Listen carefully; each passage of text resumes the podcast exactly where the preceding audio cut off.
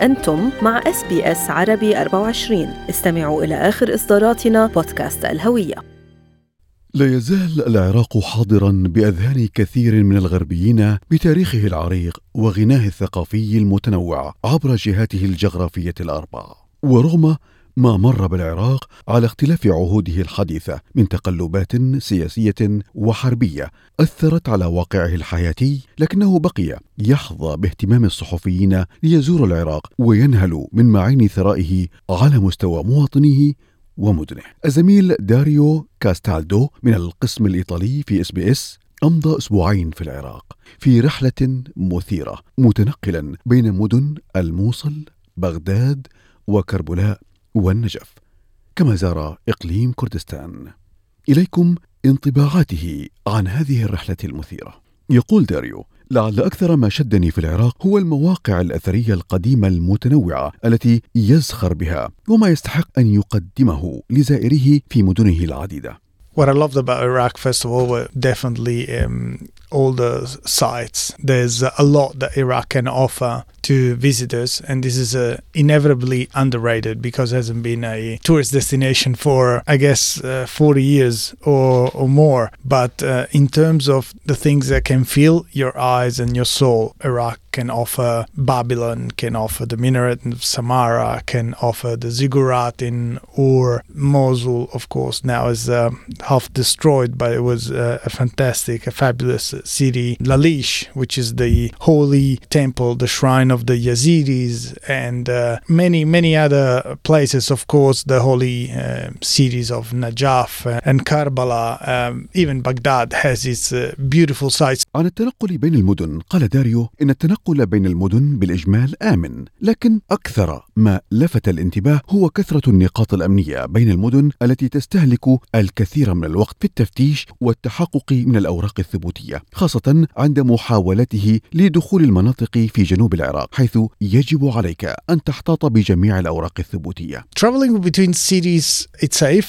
It's time consuming at the same time. Just because of all the checkpoints, particularly south of Iraq, they're very inevitably strict or understandably strict when it comes to controlling all the documents of people on board, particularly when there's a foreigner on board of a vehicle of a vehicle and they want to check all the passport and make sure that everything is, is smooth and correct. So it's not being unsafe, it's just being a little bit complicated.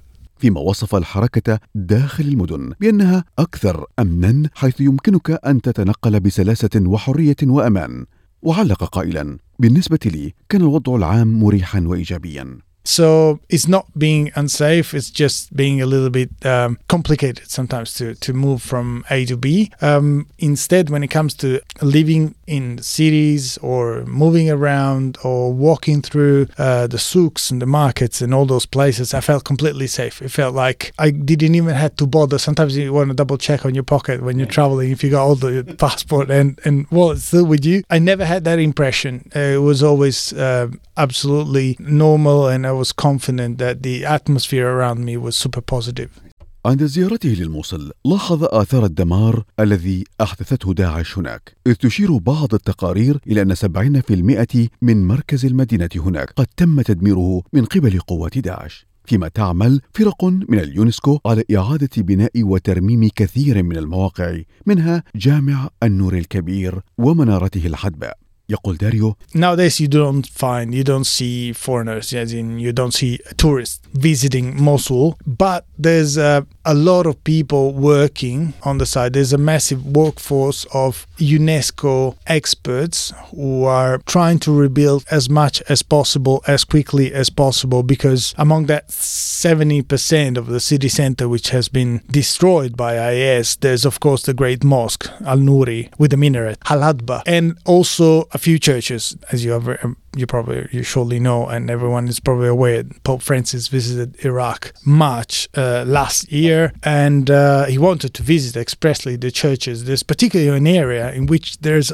I think four churches all merging in the same uh, small square, and all those four churches have been completely destroyed because IS used that as a headquarter. يقول داريو لا يمكنك توحيد الانطباع في العراق فلكل مدينة حالها وواقعها I think it varies a lot from where they live. In the south, I had the impression they were slightly optimistic.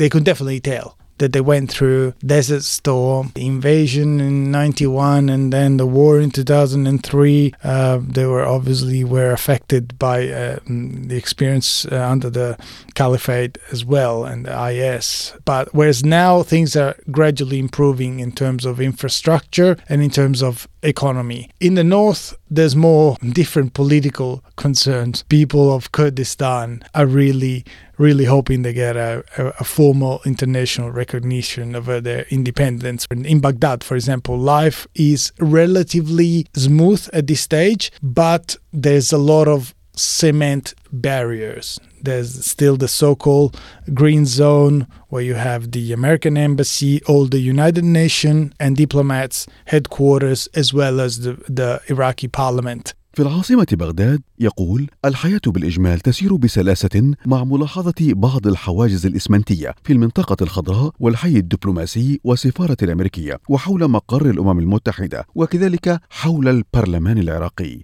فهذه المشاهد قد لا تشعرك بالإجمال أن الأمور هناك عادية.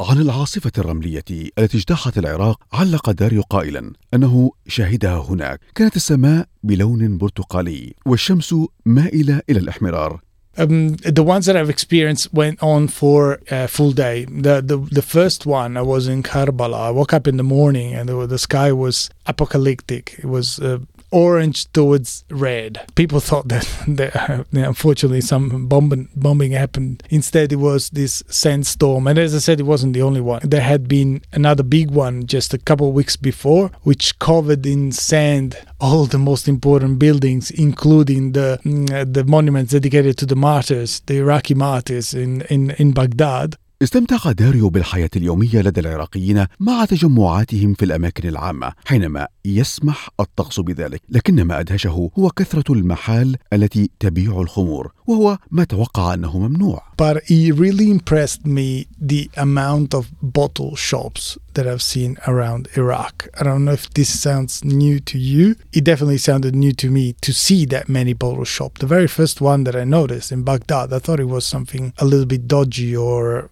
something connected to a black market of alcohol. Instead, there's a very big quantity of places where you can legally buy alcohol, and apparently, um, religious authority have nothing to say about it, and so the government is completely help, happy to just meet, obviously, what, what it's considered to be a one of the population's need. لكنه أشاد بالنظافة العامة وعدم وجود المتسولين لكنه ايضا اوضح انه لاحظ تراكما كبيرا لقوارير المياه البلاستيكيه الفارغه There's a lot of plastic, unfortunately. Uh, all the water is sold in very small plastic bottles, and there's no way out. So you're drinking a lot, and unfortunately, producing a lot of plastic wastes every day. But despite of that, the um, cities I found the cities are relatively clean, more than I was expected to, and I had the impression that there was not poverty. I can't comment on economy, the country's economy, but I can surely tell that you don't see many beggars.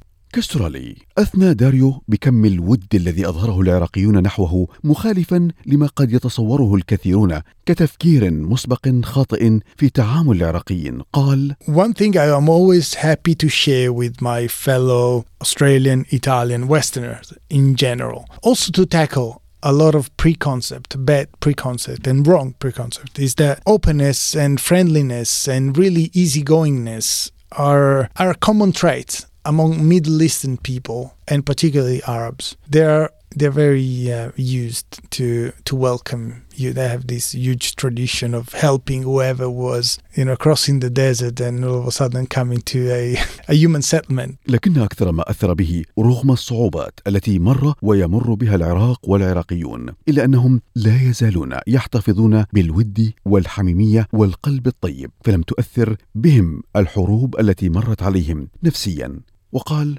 كنت سعيدا أن ألحظ هذا الحب والود على أعينهم.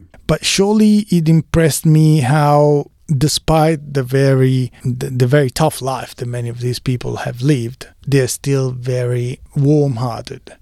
Masalama. هل تريدون الاستماع إلى المزيد من هذه القصص؟ استمعوا من خلال أبل بودكاست، جوجل بودكاست، سبوتيفاي أو من أينما تحصلون على البودكاست